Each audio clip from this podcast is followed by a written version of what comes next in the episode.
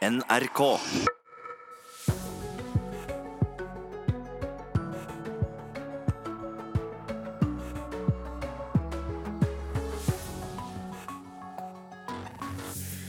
Jordbær, elsykler, våpen, politikk, verdens største sykkelritt, sykdom i utlandet og kråkeboller. Nyhetsmorgen ruller ut denne dagen med en variert meny. Sykdom i utlandet, altså dersom man er syk på utreisetidspunktet og sykdommen forverres på reisen, vil reiseforsikringen normalt ikke dekke kostnadene. Verdens største sykkelritt, Alexander Kristoff, har håp om å kjempe om seier i dagens etappe av Tour de France. Våpen som du hørte i Dagsnytt, i går brøt Iran nok en gang vilkårene i atomavtalen med EU, Russland, Kina og USA. Anriker uran opp mot 4,5% nå. Og kråkeboller. Folk på Vegaøyene satser på å servere turistene kråkeboller, men de må importere råvarene fra Spania. Det er det vi kaller langreiste kråkeboller. Så er det selvsagt en grunn til at de gjør det på den måten. Testkrav fra Mattilsynet, men hvorfor må de det? få testkrav, altså. Det får du vite mer om den neste halvtimen, som du i dag får med Birger Kolsrud Jåsund i studio.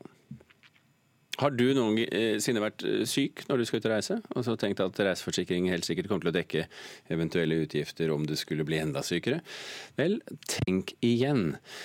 Om du har reiseforsikringen i orden, vil den normalt dekke sykdomsrelaterte utgifter på ferie, men dersom du allerede er alvorlig syk når du reiser, så risikerer du økonomisk ruin. Det sier Jon Bergen i Europeiske reiseforsikring. Det kan bli veldig dyrt hvis en blir syk i utlandet. Å bruke ferien på sykehus i stedet for på stranda, til avslapping og til opplevelser, er i utgangspunktet ingen drømmesituasjon. Men nå advarer Jon Berge, informasjonsdirektør i If og Europeisk reiseforsikring, mot at regninga også kan bli svært høy dersom du er syk allerede på utreisetidspunktet. Akkurat nå har vi til dømes en pasient innlagt på et privat sykehus i USA. Der er døgnprisen 250 000 kroner. Hvis du blir syk på reise, kan en reiseforsikring spare deg for store kostnader, da normalt dekker medisiner, sykehusopphold og transport. Men det gjelder bare dersom sykdommen oppstår uventa og akutt, sier Berge. Så i de tilfellene der det er egentlig venta med forverring, der du er syk fra før, da dekker vi det ikke, for da burde en egentlig bare holdt seg hjemme. Kan folk som er kronisk syke eller som har en alvorlig lidelse, aldri reise på ferie da? Jo, de kan jo det, men det er ikke sikkert at forsikringen vil hjelpe deg hjem hvis de blir syke. Berge hevder også at det kan bli dyrt å følge legen sitt råd. Selv om legen har sagt at du er frisk nok til å reise, betyr ikke det automatisk at du er dekket av forsikringa om du gjør det.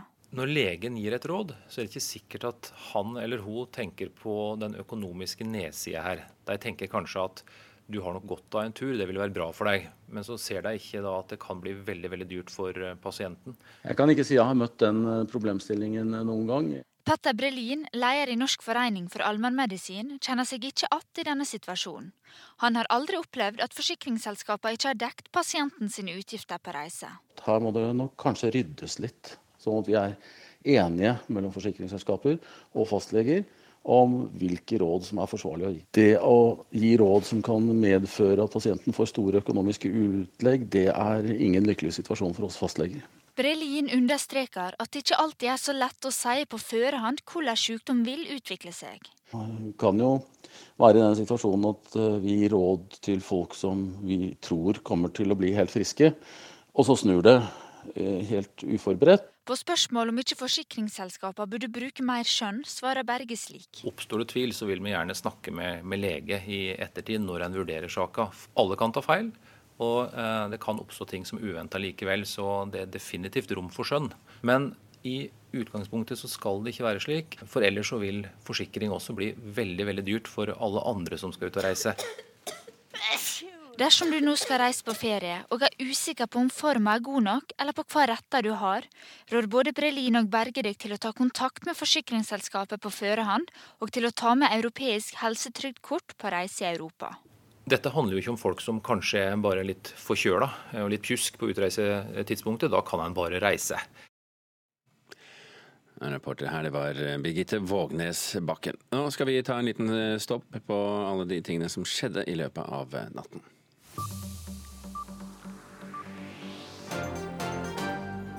En person er fløyet med luftambulanse til sykehuset i Tromsø etter å ha falt og skadet seg på fjelltur på Senja natt, i natt. Det antas at mannen eh, falt utfor en skrent eh, eller noe lignende, og det var eh, venner av ham som ringte politiet. Det var strålende vær og gode forhold i området da luftambulansen kom fram, og de fikk mannen ut, men med en redningsmann hengende under helikopteret. USAs eh, utenriksdepartement har godkjent en våpenavtale med Taiwan verdt opptil 2,2 milliarder dollar, og det er grunn til å tro at avtalen ikke blir så veldig godt mottatt i Kina. Avtalen omfatter 108 Abrams stridsvogner, 250 Stinger-missiler, og i tillegg skal Taiwan kjøpe annet utstyr og våpendeler. Avtalen kan skape ytterligere friksjon mellom Kina og USA, fordi Kina jo motsetter seg all militær og offisiell kontakt mellom Taiwan og USA, og har tidligere sagt at våpensalg til øya utgjør både interne forstyrrelser og bryter tidligere avtaler mellom Washington og Beijing. Saudi-Arabia sier de har eh, avverget et nytt droneangrep utført av Houthi-opprørere, denne gangen mot sivile mål i kongedømmet. Houthi-bevegelsens TV-stasjon Al-Masira sier houthiene forsøkte å ramme flyplassen i Abba. Angrepet ble avverget, ifølge saudi-araberne. Opprørerne har de siste ukene utført flere angrep mot flyplassen. og I juni så ble én person drept og 30 såret. Og Her er noe av det du mest sannsynlig får høre mer om hvis du følger med på NRK Nyheter i dag. Nasjonalforsamlingen i Frankrike skal i dag stemme over en ny lov mot hatefulle ytringer i sosiale medier. Det er regjeringspartiet som har fremmet dette forslaget. Nå finnes det allerede lover i Frankrike mot hatytringer, men det nye med dette er at selve plattformene der de ytres, altså Facebook, Twitter og avisers kommentarfelt, får mye sterkere ansvar for å rydde opp innen 24 timer. Boris Johnson og Jeremy Hunt, de to kandidatene i det konservative partiets ledervalg i Storbritannia, møtes til TV-debatt i dag, og der vil nok brexit komme opp som tema, vil jeg anta. Samtidig så møtes Storbritannias brexit-minister Stephen Barkley og EUs sjefforhandler Michel Barnier til nye samtaler. Og så skal i tillegg EUs finansministre diskutere hva de skal gjøre for å finne nye inntektskilder nå som Storbritannia forlater EU.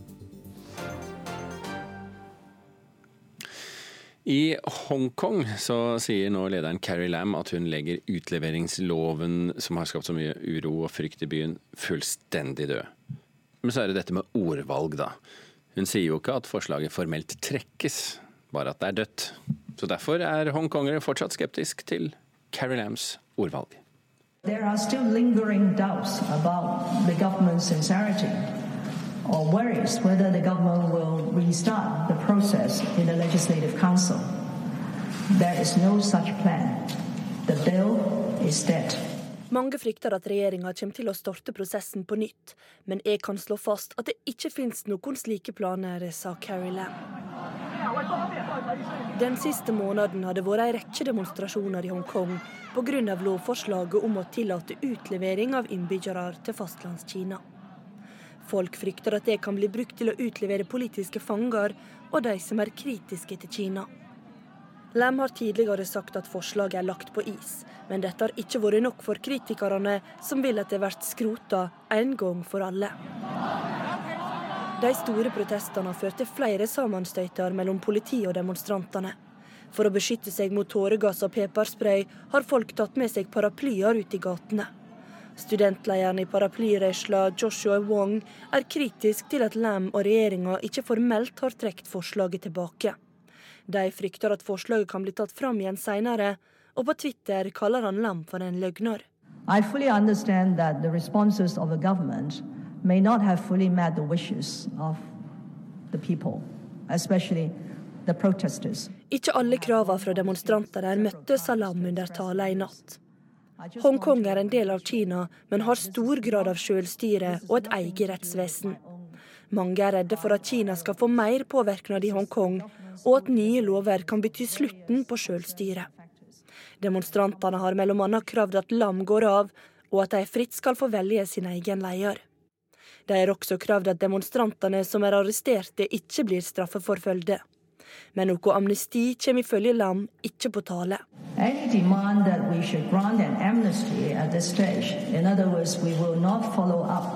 on investigations and prosecutions of um, offenders is not acceptable. Reporter eh, her, det var eh, Marte Halsør. Nå om Høyres eh, tilbakegang på meningsmålingene den siste tiden. Bærums ordfører Lisbeth Hammer Krogh fra Høyre mener årsaken er at eh, noen Høyre-velgere sikkert tror og mener at partiet er blitt for vagt.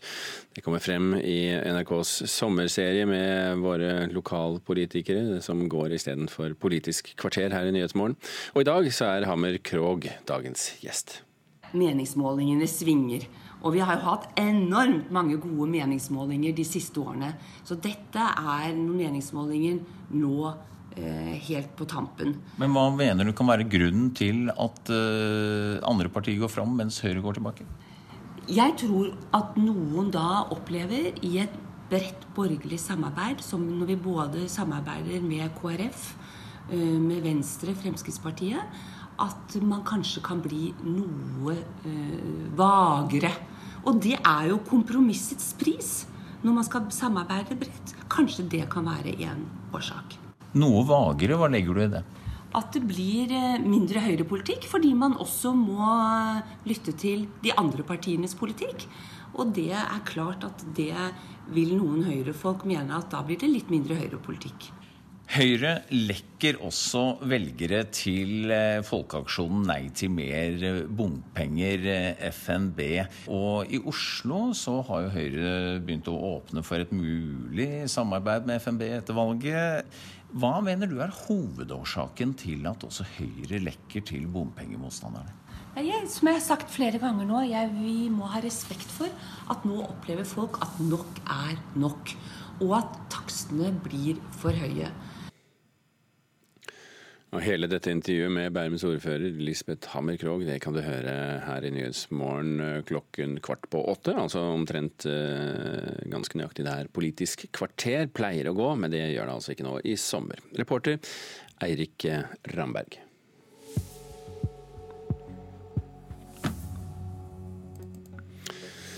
Ja, da er klokken akkurat passert kvart over sju. Du hører på Nyhetsmorgen, altså. Våre viktigste saker i dag er at eh, dersom du blir syk på utreisetidspunktet og sykdommen forverres på reisen, så vil reiseforsikringen normalt sett ikke dekke de ekstra kostnadene.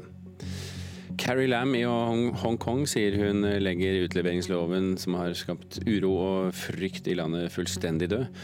Men flere er skeptiske til Hongkong-lederens ordvalg her. Og Følg med oss videre i sendingen, så skal du få høre at folk også kvier seg for å bruke elsykkelen de har kjøpt, i frykt for at den blir stjålet. Og i mange tilfeller så blir den jo faktisk eh, det. Men den historien får du først når vi nærmer oss klokka halv åtte. I går så brøt Iran nok en gang vilkårene i atomavtalen med EU, Russland, Kina og USA. En avtale Trump-regjeringen riktignok ensidig trakk seg ut av for over et år siden. Iran har nå økt anrikingsgraden i uran som kan brukes i atomvåpen til en renhet på 4,5% noe som er et brudd på denne avtalen. USA er jo veldig eh, sterkt imot at eh, Iran skal kunne produsere atomvåpen. Og Trump sier jo at det må de aldri kunne få lov til. Reaksjonen i dag har vært eh, relativt milde, for så vidt. Det har vært tre talere på et møte av kristne Israel-venner i USA, hvor både visepresident Pence utenriksminister Pompeo og sikkerhetsrådgiver John Bolton har holdt taler hvor de alle har advart Iran. Og det gjorde også Trump i går, men eh, de ventede skjerpingene av eh, sanksjonene som Pompeo hadde annonsert i dag, de har ikke kommet ennå. Så det er en eh, relativt, kan vi si, ikke-aggressiv reaksjon fra USAs side. Men, eh, men, det er klart at dersom uh, iranerne gjennomfører flere angrep mot f.eks. oljetankere eller amerikanske installasjoner, så kan man nok vente skarpere reaksjoner. Hvor langt er egentlig Iran fra å produsere en atombombe og, og plassere den på en rakett som kan nå USA? Veldig langt. De har altså nå De sier de har nådd en anrikingsgrad eh, av denne uranisotopen som eh, er spaltbar, altså som kan brukes i atomvåpen på 4,5% De hadde 20% før de inngikk avtalen, og de må opp i 90% før de kan produsere atomvåpen. Og det kan ta, ta sin tid. Når det gjelder raketter, så er de kommet mye lenger. Og det er jo en av grunnene til at USA trakk seg ut av denne avtalen, fordi at den ikke inneholdt noe krav om stans i utprøvninger av raketter. Og de er nå i ferd med å skaffe seg såkalte interkontinentale langdistanseraketter som kan nå USA. Og det er jo kanskje det amerikanerne er vel så mye bekymret for som eh, at de skal kunne produsere atomvåpen. Var vår USA-korrespondent eh, Anders Magnus eh, du hørte her. Forsker Christian Berg Harpviken ved Institutt for fredsforskning, PRIO, god morgen. God morgen. Ja, det er altså over et uh, år siden at USA varslet at de trakk seg fra atomavtalen. Um, hvorfor kommer disse iranske bruddene akkurat nå?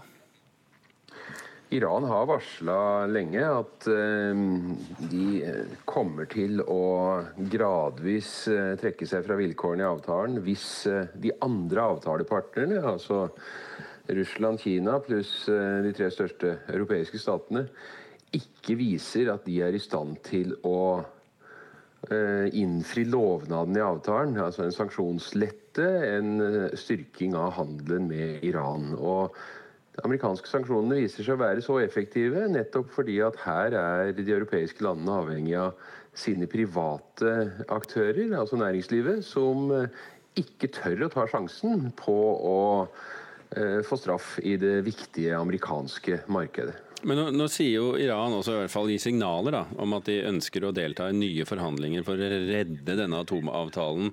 Eh, disse bruddene, er det, er det pressmidler de bruker for å få seg en bedre posisjon i forhandlingene?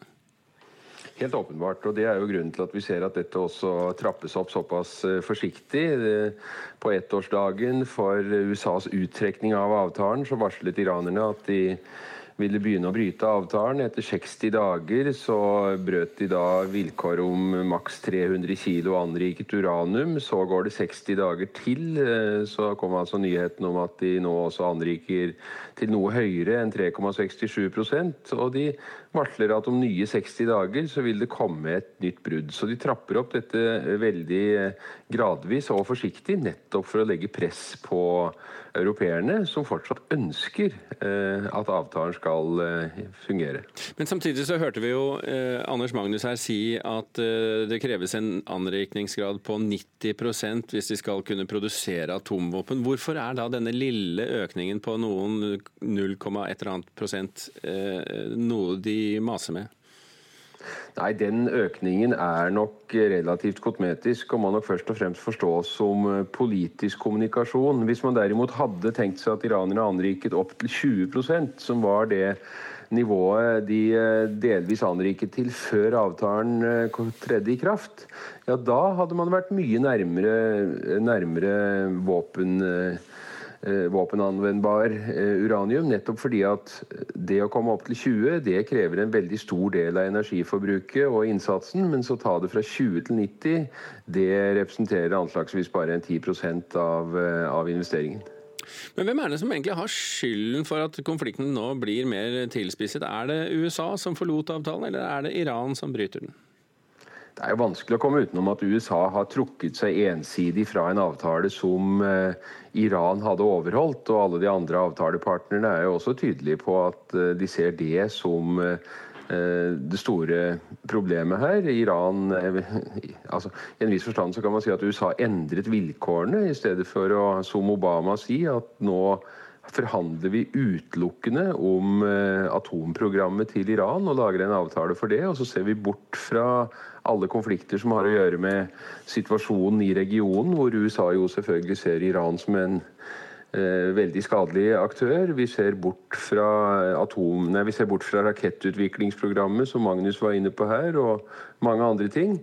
Så, så, ønsker Trump seg en mye mer helhetlig tilnærming, hvor alle utestående spørsmål i Iran-USA-relasjonen tas opp til ny vurdering og inngår i en forhandlingsprosess. Eskalerer dette til en militær konflikt, tror du?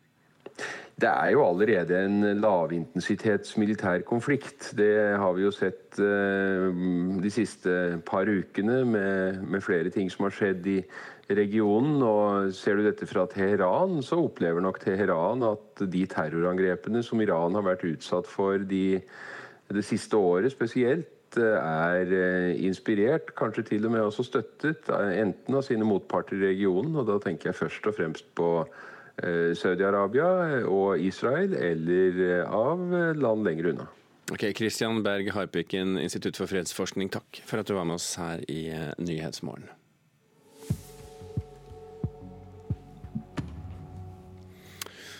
På Vegaøyene satser de på eksotisk mat og har startet opp en kråkebollebar. Og øya Vega ligger jo midt i smørøyet med kråkeboller på nær sagt alle kanter. Men krav til kostbar testing av råvarene gjør at de heller importerer kråkebollene sine fra Spania. Nå lager jeg makrone med kråkebollegonade. Og det skal visstnok være en kjempedelikatesse for gjestene når de skal smake, og det er det òg. Henriette Ebbesen serverer eksotisk mat i kråkebollebaren på Vega. Men det er ikke bare å hente opp råvarene fra havet utenfor øya og servere til nysgjerrige gjester, forteller medeier Lena Fagerving. Eh, man må ta to prøver ifølge Mattilsynet. Altså, du må kalle elgtoksiner og du må kalle E. coli. Eh, og på hver høsting, og det er klart at det blir mange da på en sommersesong, eh, så må du sende de her prøvene til Oslo eller til et område der laben tar de her prøvene. Og det er mange, mange, mange tusen. Og det blir for dyrt for kråkebollegründerne. Derfor ser de seg nødt til å hente råvarene fra Spania. Vi importerer faktisk, dessverre. Og det har vært, det har vært vanskelig å få til. Eh, det er veldig vanskelig å få lov å høste på egen hånd uten regelverk som setter stopp. Økonomisk eh, vinning er ikke mulig, helt enkelt. De må testes for toksin, og de må testes for mikroorganismer.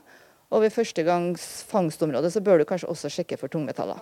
Merete Hessdal er seniorinspektør i Mattilsynet og mener det er viktig å teste kråkebollene. Eh, det koster å ta ut prøver, det koster penger. Men eh, eh, kråkeboller er en naturlig bestand, og det subsidierer Mattilsynet foreløpig en god slump av.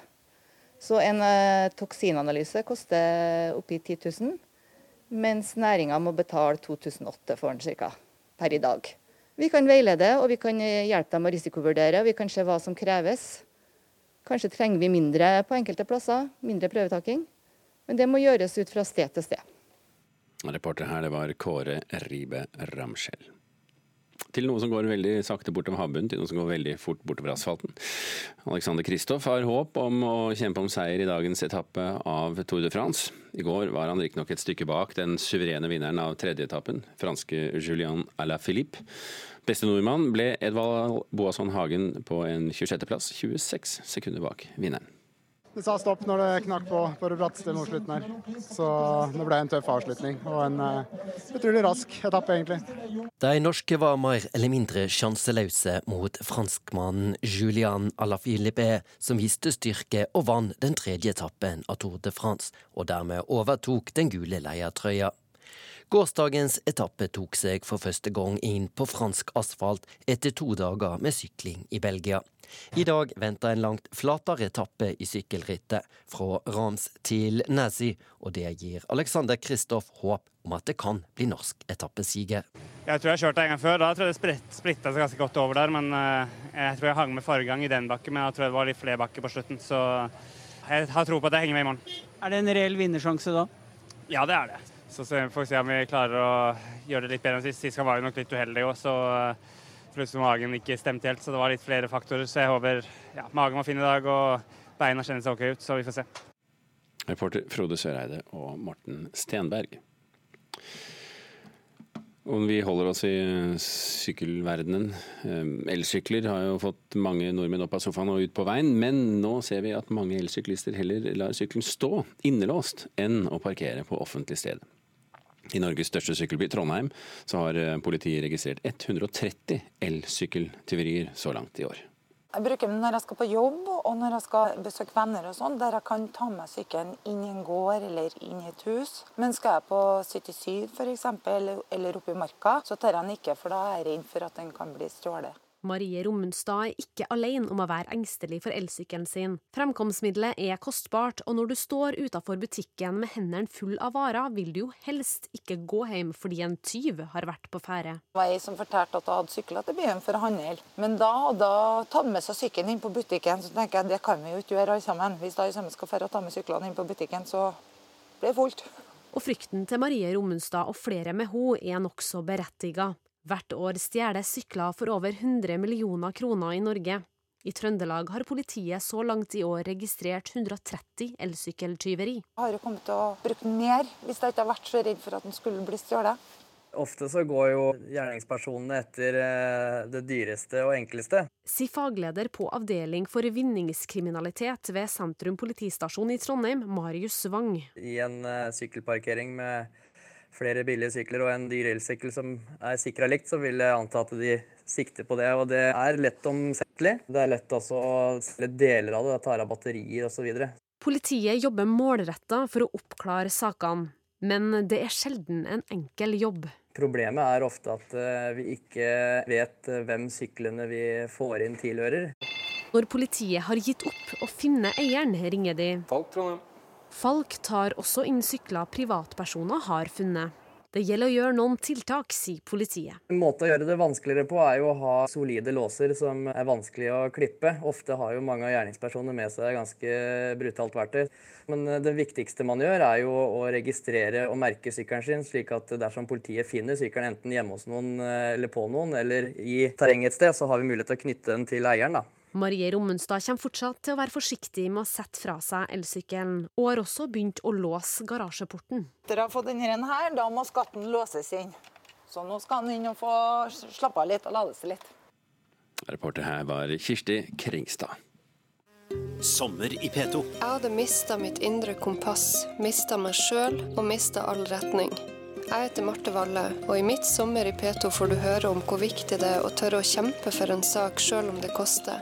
For livet kan bli ganske så fint sjøl om det ikke blir sånn som man har planlagt. Sommer i P2. I dag klokka ni.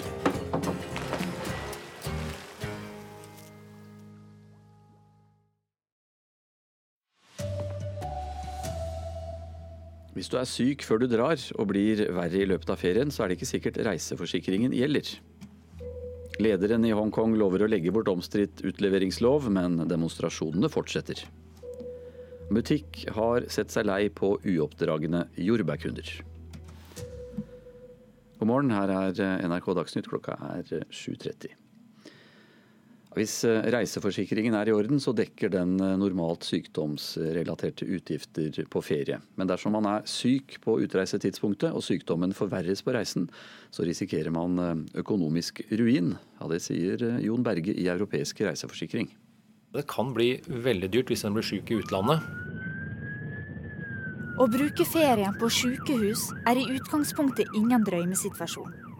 Men nå advarer Jon Berge, informasjonsdirektør i If og Europeisk reiseforsikring, mot at regninga også kan bli svært høy dersom du er syk allerede på utreisetidspunktet. Akkurat nå har vi til dømes en pasient innlagt på et privat sykehus i USA. Der er døgnprisen 250 000 kroner. Hvis du blir syk på reise, kan en reiseforsikring spare deg for store kostnader, da normalt dekker medisiner, sykehusopphold og transport. Men det gjelder bare dersom sykdommen oppstår uventa og akutt, sier Berge. Så i de tilfellene der det er egentlig venta med forverring, der du er syk fra før, da dekker vi det ikke, for da burde en egentlig bare holdt seg hjemme. Berge hevder også at det kan bli dyrt å følge legen sitt råd. Når legen gir et råd, så er det ikke sikkert at han eller hun tenker på den økonomiske nedsida her. Jeg kan ikke si jeg har møtt den problemstillingen noen gang. Petter Brelin, leder i Norsk forening for allmennmedisin, kjenner seg ikke igjen i denne situasjonen. Han har aldri opplevd at forsikringsselskapene ikke har dekt pasienten sine utgifter på reise. Her må det nok kanskje ryddes litt, sånn at vi er enige mellom forsikringsselskaper og fastleger om hvilke råd som er forsvarlig å gi. Dersom du nå skal reise på ferie og er usikker på om forma er god nok, eller på hva retter du har, rår både Brelin og Berge deg til å ta kontakt med forsikringsselskapet på førehånd, og til å ta med europeisk helsetrygdkort på reise i Europa. Dette handler jo ikke om folk som kanskje er bare litt forkjøla og litt pjusk på utreisetidspunktet. Da kan en bare reise. Reporter her, Birgitte Vågenes Bakken. I Hongkong sier eh, lederen Carrie Lam at hun legger utleveringsloven som har eh, ført til uro og frykt i byen, fullstendig død. Flere av demonstrantene er likevel skeptiske til eh, Lams ordvalg. There are still lingering doubts about the government's sincerity. There is no such plan. The bill is dead. Mange frykter at regjeringa kommer til å starte prosessen på nytt, men jeg kan slå fast at det ikke finnes noen slike planer, sa Carrie Lam. Den siste måneden har det vært en rekke demonstrasjoner i Hongkong pga. lovforslaget om å tillate utlevering av innbyggere til fastlandskina. Folk frykter at det kan bli brukt til å utlevere politiske fanger og de som er kritiske til Kina. Lam har tidligere sagt at forslaget er lagt på is, men dette har ikke vært nok for kritikerne, som vil at det blir skrota en gang for alle. De store protestene har ført til flere sammenstøyter mellom politi og demonstrantene. For å beskytte seg mot tåregass og pepperspray har folk tatt med seg paraplyer ut i gatene. Studentlederen i paraplyrørsla, Joshua Wong, er kritisk til at regjeringa ikke formelt har trukket forslaget tilbake. De frykter at forslaget kan bli tatt fram igjen seinere, og på Twitter kaller han Lam for en løgner. I fully understand that the responses of the government may not have fully met the wishes of the people. Ikke alle kravene fra demonstranter der møtte Salam under talen i natt.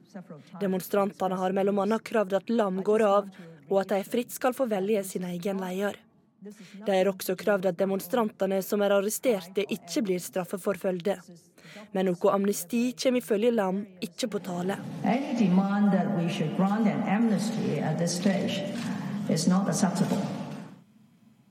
Reporter her Marte Halsør.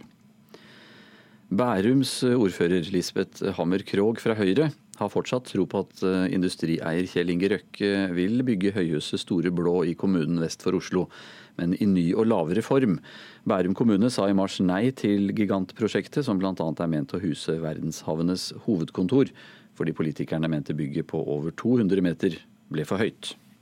Jeg har jo håp om at eh, selve verdenshavenes hovedkvarter kunne finne da en ny form, et nytt uttrykk, en ny arkitektonisk uttrykk, og fremdeles være aktuelt på Fornebu. Jeg tror Fornebu for Akersystemet er eh, et aktuelt sted. Hva er din appell til Røkke nå? Jeg skulle ønske at eh, et annet arkitektonisk uttrykk kunne fremdeles være aktuelt i Bærum. I fjor presenterte industriselskapet Aker, der Kjell Inge Røkke er største eier, planene om gigantprosjektet Store Blå. En over 200 meter høy, blå skyskraper som Aker ønsket å bygge på selskapets tomt ut mot sjøen på Fornebu, i Bærum, vest for Oslo. Bygget ville blitt Norges høyeste, og skulle blant annet huse verdenshavenes hovedkontor. Men i mars sa altså Bærum kommune nei til planene fordi bygget ble for høyt og Røkke stoppet prosjektet. Rett før høstens kommunevalgkamp kommer i gang for alvor, understreker altså Bærums ordfører Lisbeth Hammer Krog at kommunens dør er åpen for verdenshavenes hovedkontor, forutsatt at bygget blir lavere. Jeg skulle ønske meg en arkitektur som virkelig var wow, og at folk ville si 'se hva Bærum har fått'. Men jeg skulle ønske meg et annet bygg enn et så høyt bygg.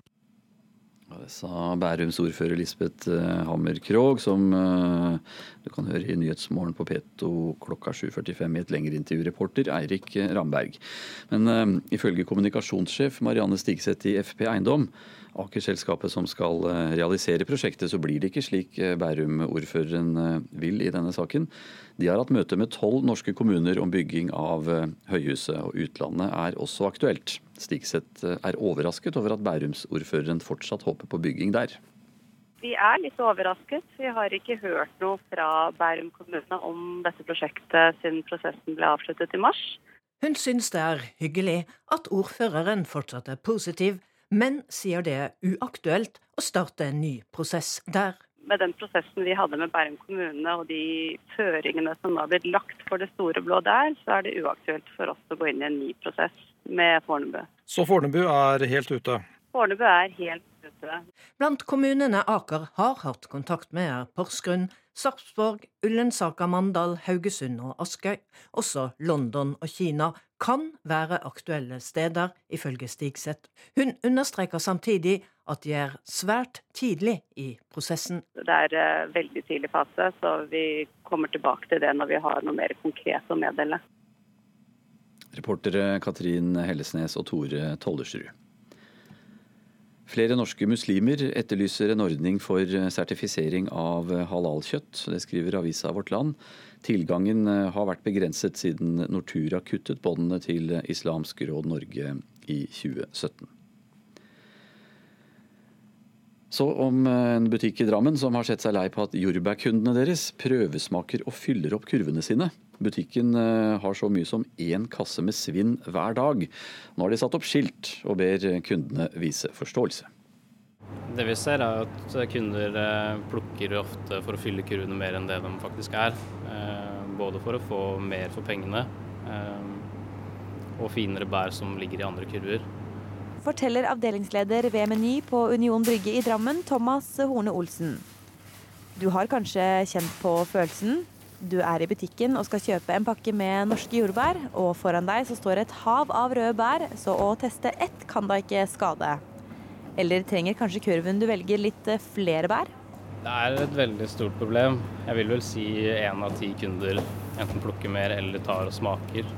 Smaker og er det veldig mange som gjør.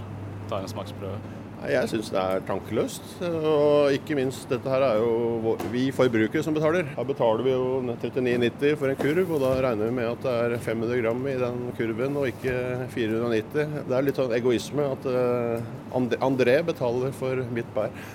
Sier drammenser Terje Oftedal, som selv har vært vitne til at folk plukker på jordbærene i butikken. Den lokale menybutikken har nå gjort tiltak for å hindre at kundene forsyner seg av kurvene. Eh, vi har satt opp eh, små plakater som står at eh, kurven er 500 gram, og det er det som er riktig kurven. Du skal ikke plukke og ikke få mer. Folk har sett det, og vi ser at det har vært en liten nedgang, kan man si. Men vi er også veldig mye ute i avdelinga og sier ifra hvis folk gjør det. Jordbær er godt, men prøvesmaking det er altså ikke lov. Reporter her Kristina Oppelstrup Julsen. Marianne Løkkevik har ansvaret for NRK Dagsnytt i dag. Jeg heter Anders Borgen Werring.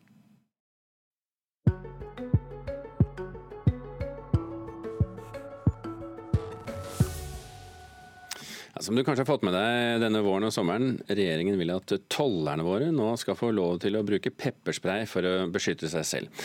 Men da du hørte om dette, var du en av dem som tenkte hvorfor må tollere beskytte seg egentlig med pepperspray? Vi har vært på grensen mellom Norge og Finland for å finne svar på det. Der føles ikke alle dager like trygge. Her er sånn pepperspray. Og her er teleskopbatong. Vi kan jo bruke den om det er nødvendig. Ola Kitty er sjef for den norsk-finske tollstasjonen i Kargasniemi. En av flere grenseoverganger mellom Norge og Finland. Både batongen og peppersprayen henger klar i beltet. Men slik er det ikke med de norske tollerne på samme stasjon. En utenlandsk bilist er akkurat vinka inn for kontroll. De norske tollerne vinker bilen inn i garasjen og gjør seg klar for en grundig sjekk. En av tollerne er inspektør Silje Somby. Nå har vi tatt en bil inn til kontrollgarasjen, og så skal vi ta en eh, utvida kontroll på den. Da sjekker vi hva de har med seg, hva de har i lommene, og eventuelt hvis de har skrudd noe inn i bilen og sånn. Vi ser jo etter hva man skal si, de basic tingene. Det er jo narkotika, fauna, høyt beskatta varer og sånne ting. Denne kontrollen gikk bra for alle. Men når de blir varsla om mistenkelige personer som nærmer seg grensen, og politiet ber de være forsiktige, eller når de med uærlige hensikter oppfører seg truende, har de ingenting å stille opp med og nærmeste politipatrulje kan være mer enn en times kjøring unna. Jeg har vært borti mange uhyggelige situasjoner hvor, hvor jeg har følt at OK, skjærer det her seg ordentlig, så, så, blir det ikke bra. Det er jo gjerne folk som ikke ønsker å bli kontrollert. Blir du redd? Man kjenner pulsen øke. Det gjør man. Men hva gjør du da i en sånn situasjon? Hvordan berger du deg?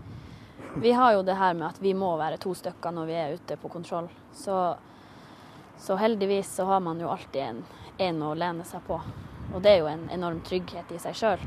Nå håper tollerne, som ofte kan møte kriminelle før politiet, at regjeringens forslag om å bruke pepperspray blir vedtatt.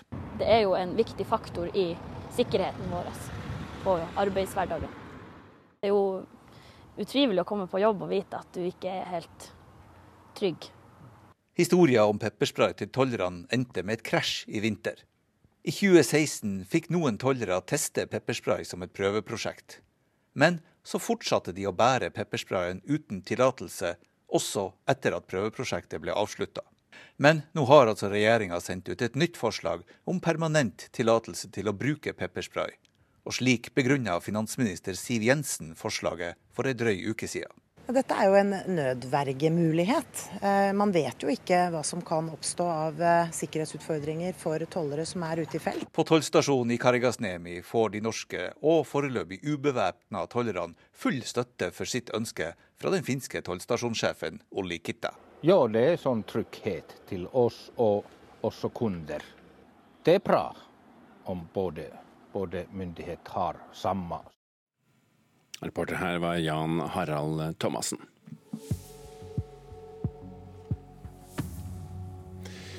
Klokken nærmer seg 16 minutter på åtte. Du hører på Nyhetsmorgen, og de viktigste sakene våre i dag er at eh, dersom man er syk på utreisetidspunktet og sykdommen forverres på reisen, så vil reiseforsikringen normalt sett ikke dekke kostnadene, og da kan det bli veldig dyrt for den som forsøker seg.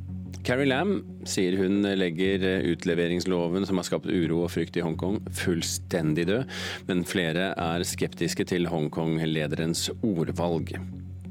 Og I går brøt Iran nok en gang vilkårene i atomavtalen med EU, Russland, Kina og USA. De anriker nå uran opp til 4,5% men reaksjonen fra USA er foreløpig dempet. Lisbeth Hammer Krogh er en av landets sittende ordførere som kan være mest sikker på gjenvalg 9.9. Bærum har nemlig vært ledet av ordførere fra Høyre uavbrutt siden 1952, og partiet kan få rent flertall i kommunestyret. I dette politiske sommerkvarteret som du skal høre nå, så tar Hammer Krogh et oppgjør med Bærum som eh, snobbekommune, eller omdømme til Bærum som snobbekommune. Hun tar til orde for at elbilister må betale mer bompenger, og ta det varmt for kalde morgenbad i skogsvann.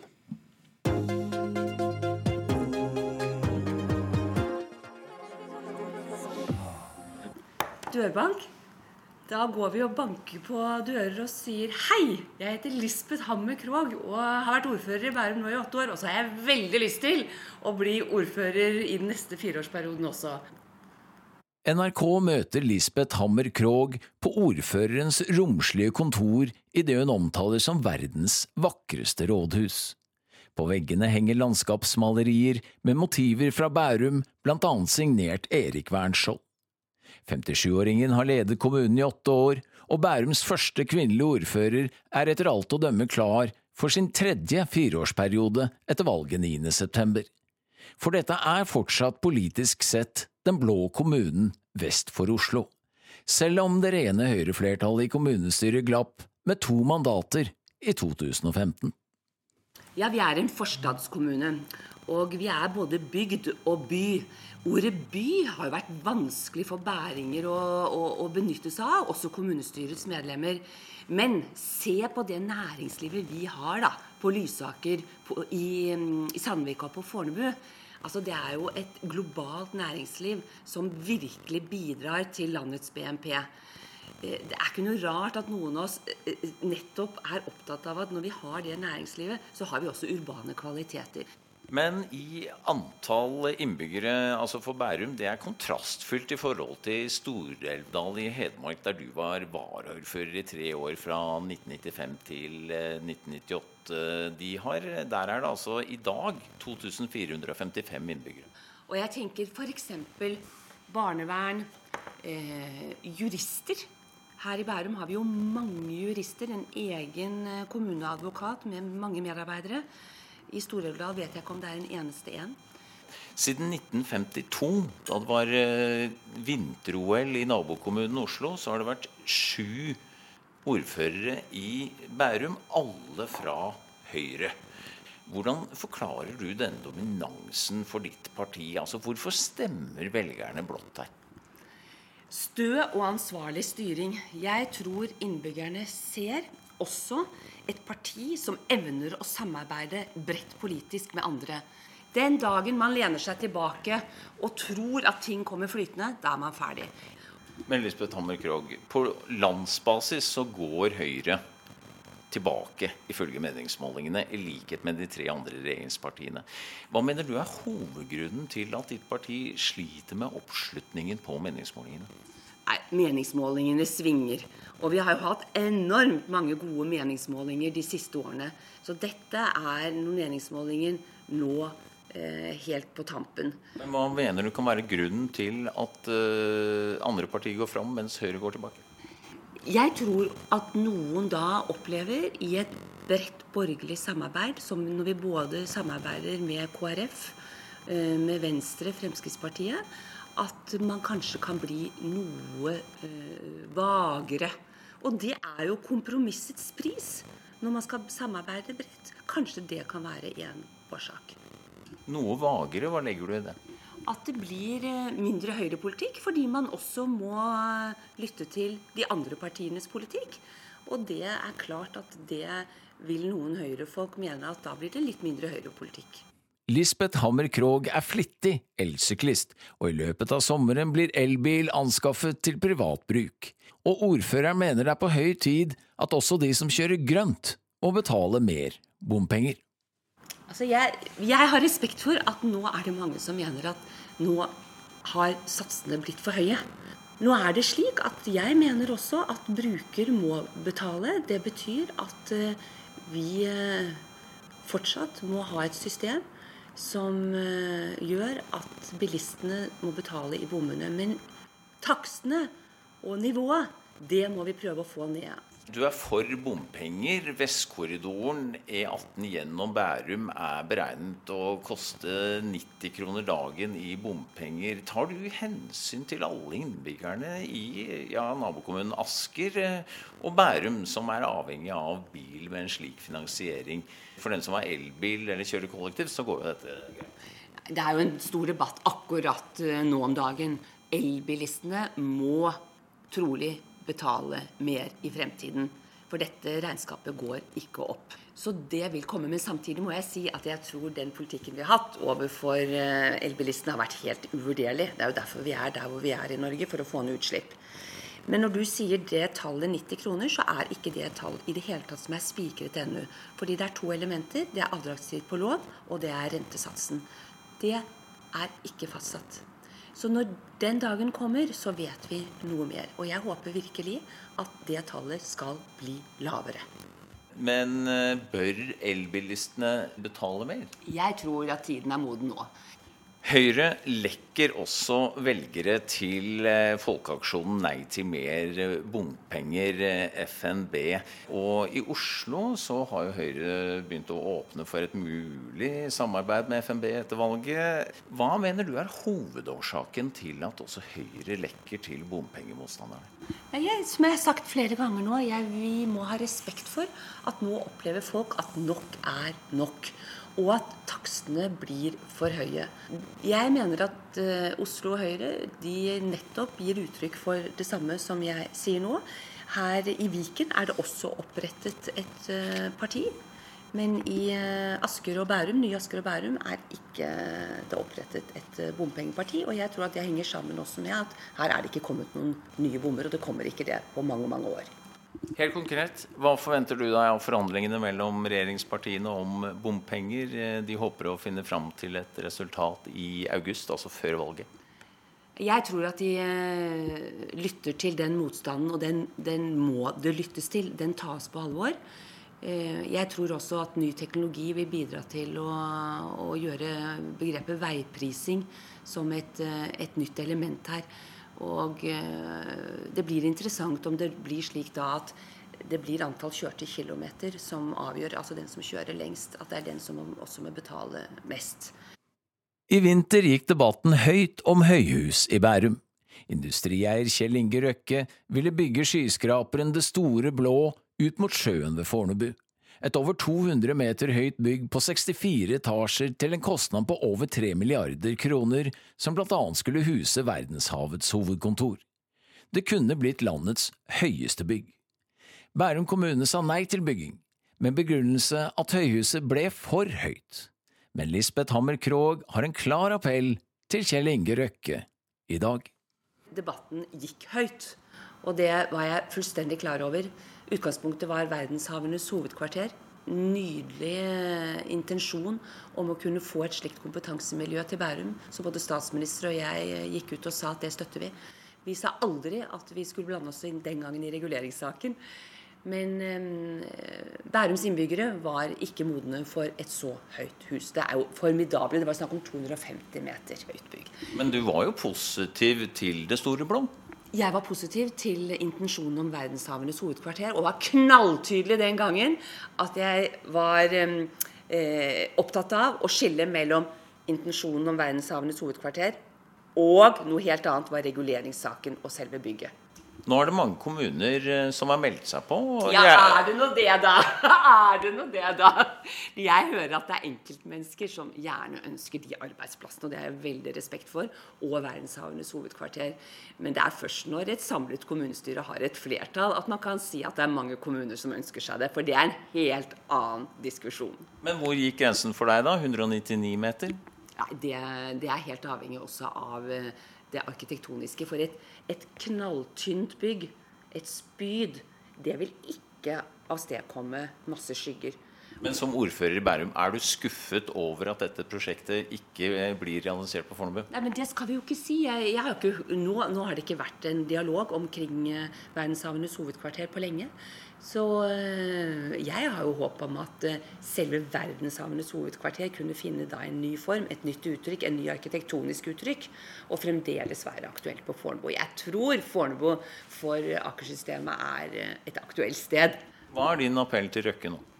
Jeg skulle ønske at et annet arkitektonisk uttrykk kunne fremdeles være aktuelt i Bærum. Lisbeth Hammer Krogh, jeg må spørre deg rett ut. Er Bærum en snobbekommune? Jeg er jo så opptatt av å avlive noen myter om Bærum. Og da begynner jeg alltid med å si Bærum er en mangfoldskommune. 150 ulike nasjonaliteter. Bærum er ingen villakommune. Det er det jo mange som tror. Vi har en tredjedel rekkehus, en tredjedel villaer og en tredjedel leiligheter. De siste årene har vi jo bygget bare leiligheter pga. samordnet areal- og transportplanlegging. Gå på et foreldremøte i Bærum, på en av skolene våre. Hva er det du hører da? Fantastiske dialekter fra hele Norges land. Bærum er jo en innflytterkommune. Og da er det jo så paradoksalt at vi har jo dette stempelet da. Men jeg mener det avliver vi fort når folk møter våre flotte innbyggere. Men Bærum blir jo i hvert fall til dels oppfattet, eller i hvert fall karikert, som en snobbekommune der innbyggerne nyter høye drinker, bor i romslige hus og har fuglejakthunder i store hager og spiller tennis for å holde formen ved like innimellom champagneselskapene. Og så stemmer de Høyre. Hvordan er virkelighetens eh, Bærum, f.eks. på Eiksmarka, der du bor? Jeg vet, på Eiksmarka er et godt eksempel med både villaer, men med masse rekkehus. Med mange innflyttere. Og jeg viser til dialektene på foreldremøtene på, på Eikli barneskole og på Østerås ungdomsskole. Og jeg opplever Jeg kjenner meg ikke igjen i den beskrivelsen hvis du går på butikken. Det er eh, så herlige innbyggere. Og eh, jeg tror noe av dette handler om at ja, når vi kommer på statistikkene med den andelen av befolkningen som har den høyeste utdannelsen. Og da blir det også noen høye inntekter med tanke på arbeidslivet. Og det, det henger sammen med dette. Og så har vi hatt noen, noen uheldige historier apropos Hemsedal og taxier og russetid. Men, men, folk som kjenner Bærum og går rundt i Bærum i de ulike nærmiljøene, Dønski, Rykken, Bekkestua, Det er jo ikke sånn verden er. Og når du holder foredrag rundt omkring i landet, hvordan starter du da? Jo, da, da, da, da, sier jeg til forsamlingen Jeg var i Kongsvingen og holdt et foredrag om klima og miljø. Og da, sa jeg dere tror kanskje ikke at hun Bærumsordføreren har vært nord for Sinsenkrysset. Og, og, så ler de litt, da. Og så er det veldig moro da å kunne fortelle at jeg har vært varaordfører i Stor-Elvdal, og at Elverum var byen min, og at eh, Glomma er elven, og at jeg kjenner Hedmark veldig, veldig godt. Og det tror jeg er veldig verdifullt. Tilbake til eh, Stor-Elvdal. Eh, det sies at du liker å bade i kaldt vann. Er, er, kommer det derfra? Ja. Det er jo ofte bare en åtte grader der i de fjellvannene ved hytta. Men jeg bader jo på Østerdalen morgenbad der helt frem til oktober-november. Og begynner eh, rett etter isen går. Så nei, vet du hva, det er et kick jeg får. Noen uh, hopper i fallskjerm. Uh, den gleden det er å ta altså et skikkelig kaldt bad, det er et energikick uten sidestykke. Så det er på en måte å stå opp kvart på seks da, for å klare det morgenbadet. Men det er helt, det er min greie, da. Og dermed er norgesferie greit for deg? Absolutt. Med isbading. Nei, jeg håper det blir litt varmere. Men nå sner det jo på Galdhøpiggen, og det er jo meldt sne i morges på, på, mange fjelltopper. Flyr du på ferie, i så fall? Du, Jeg har allerede rukket å være noen få dager i Los Angeles, for der bor vår yngste datter Nora. Så apropos dette med flyskam osv. Men vet du hva, jeg har tenkt faktisk litt over det. Og jeg tror denne diskusjonen er med på å få flere til å tenke skal vi kanskje redusere en tur? Så, eh, men likevel, jeg har jo i hvert fall brukt opp kvoten min i år, som har reist helt til Los Angeles, føler jeg. Så nå er det Norge og Østerdalen for eh, resten av juli, i hvert fall. Da vet vi i hvert fall hva Lise Hammer Krogh skal gjøre i eh, ferien. Og deretter blir det altså å banke på dørene til eh, velgerne i eh, Bærum. Bærums ordfører ble intervjuet av reporter Eirik Ramberg. Og fikk du lyst til å høre dette en gang til, eller bare fikk med deg deler av det, så kan du selvfølgelig gå inn på Politisk kvarter sin podkast, for der blir det lagt ut nå. Snart er klokka åtte. Det blir oppdatering fra Dagsnytt.